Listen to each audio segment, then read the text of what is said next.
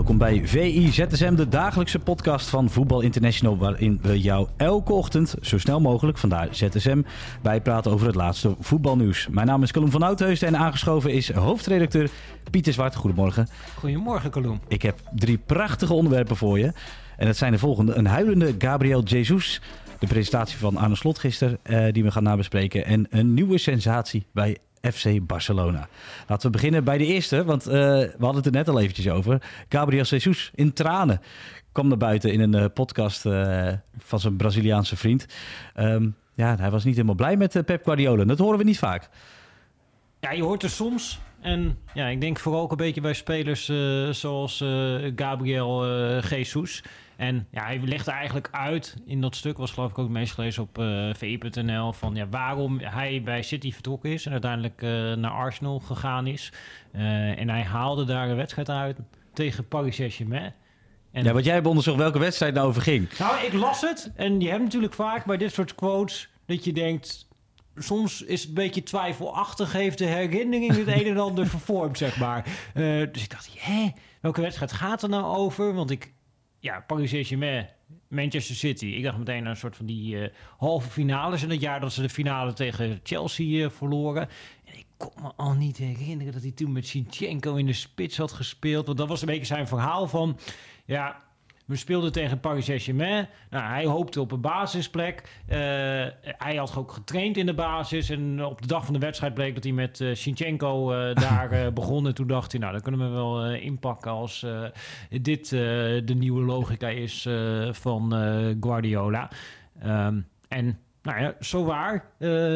Gabriel Jesus doorstond de factcheck. Uh, al, moet je okay, er wel, al moet je er wel wat nuances bij plaatsen. De wedstrijd waar het om ging was een wedstrijd tegen Paris Saint-Germain in de groepsfase. Toen zaten ze bij elkaar in de pool. En er zat ook Leipzig nog in de pool. was een wedstrijd die City uiteindelijk met 2-1 won. Maar dat was de vijfde groepswedstrijd. Dus het was ja, al niet de wedstrijd waar nog echt echt heel veel op het uh, spel uh, stond. Nog maar wel, dan nog, je bent spits. En moet ik wel zeggen, Sichenko is niet zomaar een linksback. Nee, Want, dat is natuurlijk van nature een aanvallende middenvelder. En ja, als je ja, dit, dat even gaat uh, bekijken hoe destijds uh, gespeeld werd. Uh, dat was natuurlijk het seizoen dat Guardiola eigenlijk geen spits had. Hij had dan Jesus. toen was Aguero, die was eigenlijk al weg. En dat jaar speelde hij vaak met een dubbele valse nummer 9. Dus dat was dan vaak de Bruyne en Bernardo Silva. Dat soort combinaties die gemaakt werden. En dat was dan in dit geval was het Bernardo Silva en... Sinchenko. Maar dat is dus niet per se zo dat je kon zeggen... nou ja, dat was eerder... als je iemand de spits zou noemen... zoals eerder Bernardo Silva dan Sinchenko. Dus hij legt het ook al een beetje uit uh, in zijn voordeel... in dit geval uh, Jesus. Maar hij kwam in die wedstrijd nog in... en gaf een uh, assist en maakte doelpunt... en zorgde ervoor dat City die wedstrijd won. Maar blijkbaar wel voor hem dan ja, het punt waarop hij dacht... en dat snap ik ook wel. Als jij de enige spits bent in de selectie... en je speelt een hele belangrijke wedstrijd... en je zit op de bank... en dat was natuurlijk niet alleen in die wedstrijd zo... maar dat was dat seizoen veel vaker zo... dat als belangrijke wedstrijden waren... ja, dat was tof. Gundogan Gundogan en De Bruyne, Bernardo Silva en De Bruyne. Ja, iedereen werd er neer, veel Foden. Uh, we hebben iedereen dat seizoen in de spits uh, gezien. Maar heel vaak niet uh, Gabriel Jesus in dat soort topwedstrijden. En als hij dan in topwedstrijden speelt, was bijvoorbeeld tegen Liverpool, kan me nog herinneren, dan was een soort van hangende rechtsbuiten. Moest hij gewoon maar het ah, veld moest hij, lang en breed maken. Dus ja, ik snap wel dat jij op een gegeven moment denkt, ja, ik ben spits, ik wil spits zijn en ik wil dan ook ergens echt spelen, echt belangrijk zijn. Nou, dat heeft hij kunnen doen bij Arsenal. Uh, ja, en nu hebben ze een uh, echte spits uh, met Haaland. Dus ik denk dat alle partijen in dit geval er beter op zijn geworden. Ja, maar toch inderdaad tot, tot tranen groet. zijn moeder gebeld. Wanneer heb jij voor het laatste je moeder in tranen opgebeld over een, uh, een, teleurstelling. Nou, nee, niet, niet over uh, teleurstellingen van dit soort uh, aard in het werkveld. daar heb ik nooit om moeten, moeten houden. Nee, dan, dat zou hoogstens zo zijn als er iets in de privésfeer is. Maar ja, niet, nee, ja, precies. Ik bedoel niet, dat, dat ik vandaag niet mag aanschuiven in de ZSM. Dan hoef ik niet huilen mijn moeder te bellen. Ja, dat er iemand anders zit en dat je denkt, nou, wat is dit nou weer? Ja, kies op het laatste moment voor Letty Godijk in de ZSM. oh, we kunnen ook wel een Dat is helemaal geen spits. Nee, dat is helemaal geen spits. En ook geen hoofdredacteur. Maar goed, wel een goede schrijver. Komen we zo meteen op. Want we doen eerst eventjes nog de presentatie van uh, Arne Slot gisteren. Daar was ik bij. Uh, met Martijn Krabbedam. Er staat een mooie video op. Maar dan een uur duurde het. Ja. Piet, ik zat eerst bij Peter Bos. Dat duurde drie kwartier. Toen appte nog een collega van mij... Nou, als dit langer duurt dan, eh, dan Peter Bos, dan word ik gek. Nou, die is denk ik nu helemaal knettergek. Want het was inderdaad eh, eh, 54 minuten om precies te zijn. En ik hoorde later nog iemand zeggen... ja, heerlijk, toch? Twee, twee trainers die gewoon prachtige volzinnen kunnen spreken. Maar ik, ik vond aan de lange kant. Heb jij nog iets van eh, meegekregen van die eh, presentatie? Ja, ja, ik heb van onze eh, Nederlandse Pep ik heb Guardiola? het uiteraard eh, gevolgd. Ja, Nederlandse Pep Guardiola.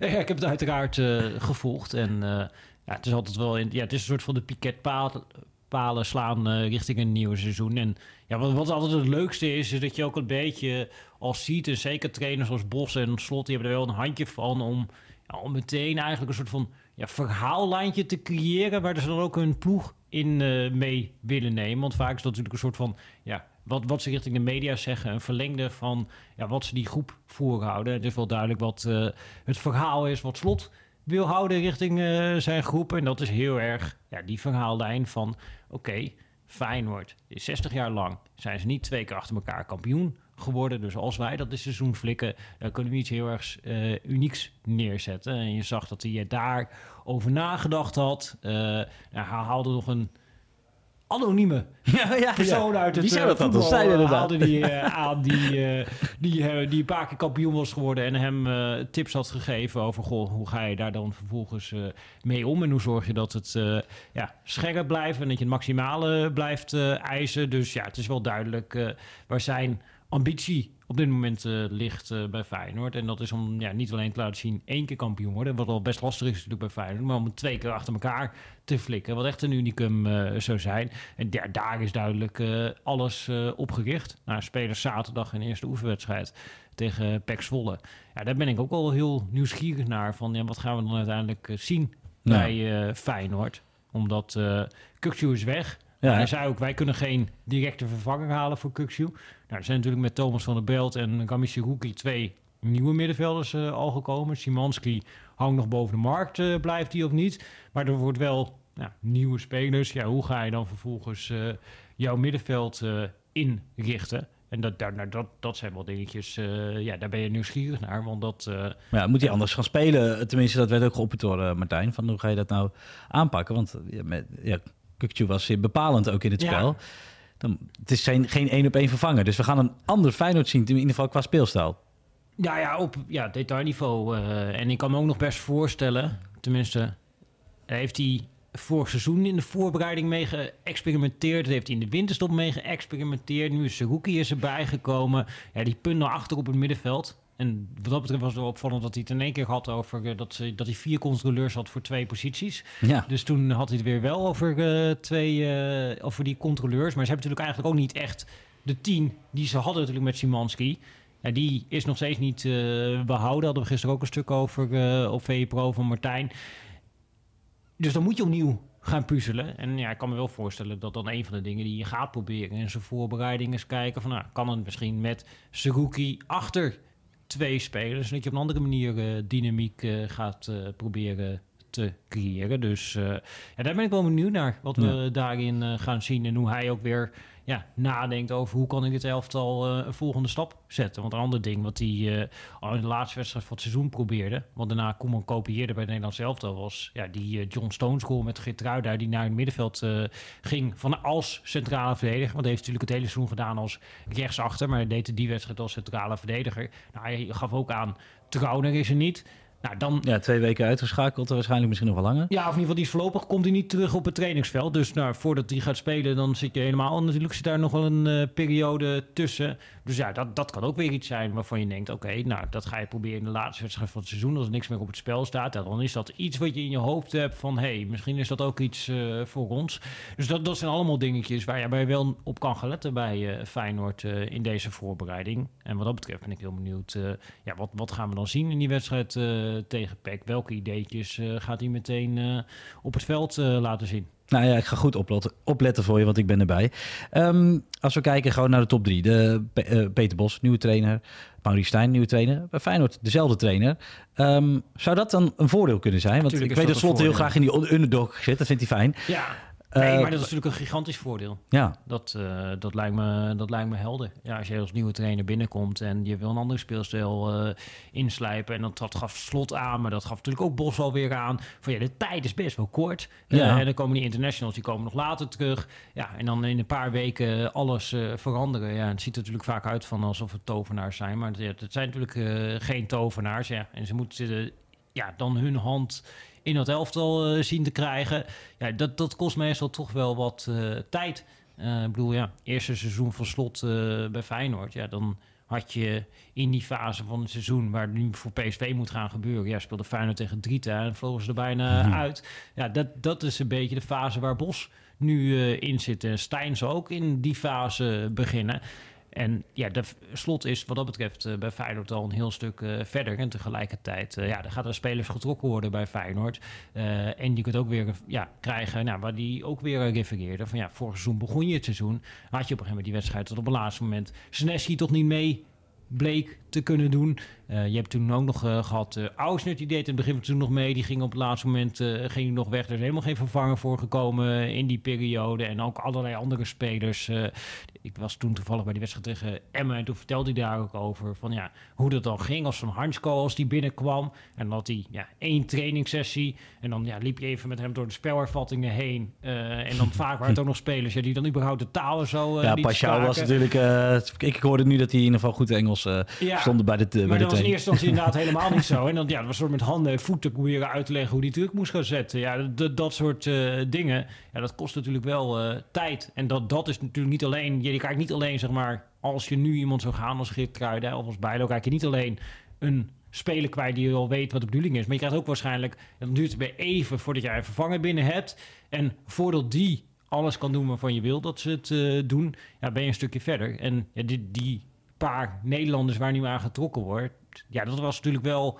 En Kukcio is al weg. Dat was natuurlijk wel het houvast. De jongens die er nog waren. En die ook een soort van, denk ik, de cultuur in de kleedkamer bepaalden. Die andere jongens daarin meenamen. En als juist dat wegvalt, ja, dan wordt het toch wel weer uh, complexer. Uh, ja. En dan ja, wordt dat voordeel wat slot heeft, ja, dat wordt denk ik ook kleiner. Ja, dus we kunnen, we, iedereen begint op nul, maar misschien Feyenoord met een klein voordeeltje dan dus. Ja, met een klein voordeeltje, maar wat ik zeg, uh, ja. ja, er hoeft maar uh, iets ja, te iets, gebeuren. Ja, of Gitruiden verkocht of... Uh, ja, Bijlo verkocht en het kan in één keer, kan, het, kan je voordeel kan weer een nadeel zijn. Ja. en ja, kijk, Ajax en PSV hebben natuurlijk ook een voordeel, namelijk dat hun portemonnee nog steeds iets beter gevuld is dan die portemonnee Dat werd ook vaak benadrukt. benadrukt. Ja, maar dat is natuurlijk ook terecht en logisch, ja. dat PSV, hier ligt de cover met uh, Ricardo uh, Peppi toevallig. Ja, dat je een spits koopt voor nou ja, circa 10 miljoen. Die dan eigenlijk op de bank komt in eerste instantie achter Luc de Jong. Ja, ja dat, dat is niet een luxe die aan uh, Feyenoord besteed is. En ik denk dat ook nog wel lang waar PSV voor bezig is aan de zijkant. Nou, dat zit ook niet in de prijscategorie waarin Feyenoord kan shoppen. dus ja, dat is nog steeds de teamgeest en het spelidee. Wat het verschil moet gaan maken bij Feyenoord. Want ja, qua individuele kwaliteit... Ja, is in ieder geval qua budget is er nog steeds veel meer mogelijk bij PSV en bij Ajax. Ja, aanstaande zaterdag om 4 uur geloof ik in Barendrecht spelen ze tegen Zwolle. Um, dan gaan we naar het laatste onderdeel of laatste topic wat ik heb opgeschreven. De nieuwe sensatie bij FC Barcelona. De naam is Vitor Roque. In hoeverre moeten we die onthouden, onthouden Pieter? Nou ja, altijd wel. uh, is een stuk van uh, Lente Godijk ja. op uh, VPRO was daar ook het meest gelezen. Ja, hij legt een beetje het, de achtergrond van die jongen uit. Ja, dit is natuurlijk een spits uit Brazilië. Dus de nieuwe Ronaldo. En uh, ja, dat is, net zo dat hij qua speelstijl dat er eigenlijk meer een Sergio Aguero-achtig uh, type is. Dus een beetje kortvindig draaien, uh, doelpunten maken. maar wat ik het meest opmerkelijke vond in het verhaal is dat... Ja, die jongen is 18, maar die heeft al drie ja. clubs in Brazilië achter. Dus hij heeft al in de jeugd heeft hij op een gegeven moment een overstap gemaakt naar Cruzeiro. En op een gegeven moment is hij daar op zijn zestiende gedebuteerd. En toen is hij ook weer overgestapt naar een uh, andere club uh, in Brazilië. Dus, en dat ja, ging ook niet uh, in Pais en Vree? Dus, nee, nee, bepaald niet. Dus dat was waar iedere keer waren dat gigantische, gigantische soaps die daarbij gepaard gingen. ja, en nu lijkt hij dus alweer naar Barcelona te gaan vertrekken. Mochten zij het geld hebben om dat eh, te kunnen betalen, dan moeten ze nog ergens uh, vandaan zien te toveren. Dus ik weet niet wat ze precies nog kunnen verkopen. Misschien de koffiejuffrouw om dan uh, ervoor te zorgen dat deze jongen kan binnenkomen. Maar dat, ja, dat is ook alweer ja, een leuk idee. Dat je denkt, ah ja, als iemand binnen Brazilië, want het ligt natuurlijk ook allemaal heel erg gevoelig. Als je daar al een paar keer zo'n controversiële overstap maakt, dan denk je ook meteen, nou, is dit dan ook zo'n speler die op een gegeven moment kan zeggen ja, uh, of à la Neymar van ik zit bij Barcelona en ik ga naar uh, Paris. Of misschien à la Figo, dat je op een gegeven moment denkt... Uh, oh, nou, hier bij Barcelona bevalt me eigenlijk niet. Ik ga naar Real Madrid. dat soort dingen hoop ik dan ook meteen op als ik zo'n verhaal lees. ja, het is in ieder geval wel een jongen die bereid is om voor zijn carrière om uh, af en toe wel dingen te doen om zich niet uh, populair uh, te maken. Is inmiddels ook al gedebuteerd in het Braziliaanse nationale elftal. Dus ja, dit is wel... het is ja, wel een pareltje, tenminste om in de gaten te houden. Ja, en je betaalt natuurlijk een vermogen voor. Dit is wel een jongen die zelfs voor Ajax en PSV totaal niet meer te betalen... het bedrag dat je daarvoor neerlegt. Ja. En ja, bij Barcelona wordt hij dan eigenlijk binnengehaald bij een club eigenlijk zonder geld... met het idee van, nou ja, misschien voor de toekomst is dit niet de nieuwe Lewandowski. Maar je weet ook, uh, ja, als de eerste twee jaar een beetje tegenvalt, uh, dan kopen ze gewoon vanzelf weer een nieuwe Lewandowski. En dan uh, gaat deze jongen, wordt weer rustig doorverkocht naar een andere plek. Dus ja, het is, het is geinig en we kunnen het in ja, de het gaten gaan houden. Het is in ieder geval leuk om te lezen wat zijn achtergrond is. ja, de Arda. Um, geruchten zijn dan ook eindelijk voorbij met de presentatie van de Real Madrid. Vind je dat ook leuk trouwens, dat hij dan naar Real Madrid gaat? Ja. Wat heb je? Nou, heb je twee, uh, heb je Vitor Roque en uh, Arda Twee talentjes en die, dat mogen waarmaken. En hij is dan weer, die Roque is weer een vriend van die Andriek, die uh, jonge Braziliaan die weer naar Real Madrid ah. ook gaat. die, die, die prijzen elkaar op Instagram dan de hemel in van, jij bent het grote nieuwe talent, jij bent geweldig, weet je wel. Dus nou, dat, dat wordt ook weer denk ik een soort van verhaallijntje van ja, wie heeft nou echt de grote parel in het Braziliaanse voetbal opgevist. Is dat Real Madrid die dat voor elkaar heeft gekregen. Of uh, Barcelona. Ja, en ja, Culier naar uh, Real Madrid. Ja. Nou, dat moet ik nog maar zien. Ja, we weten er ook nog niet zoveel van. Nou, de, we gaan het in de gaten houden. Uh, tot zover deze VI ZSM. Ik bedank je voor je tijd, Pieter. Tot de volgende. Tot ZSM. Tot ZSM.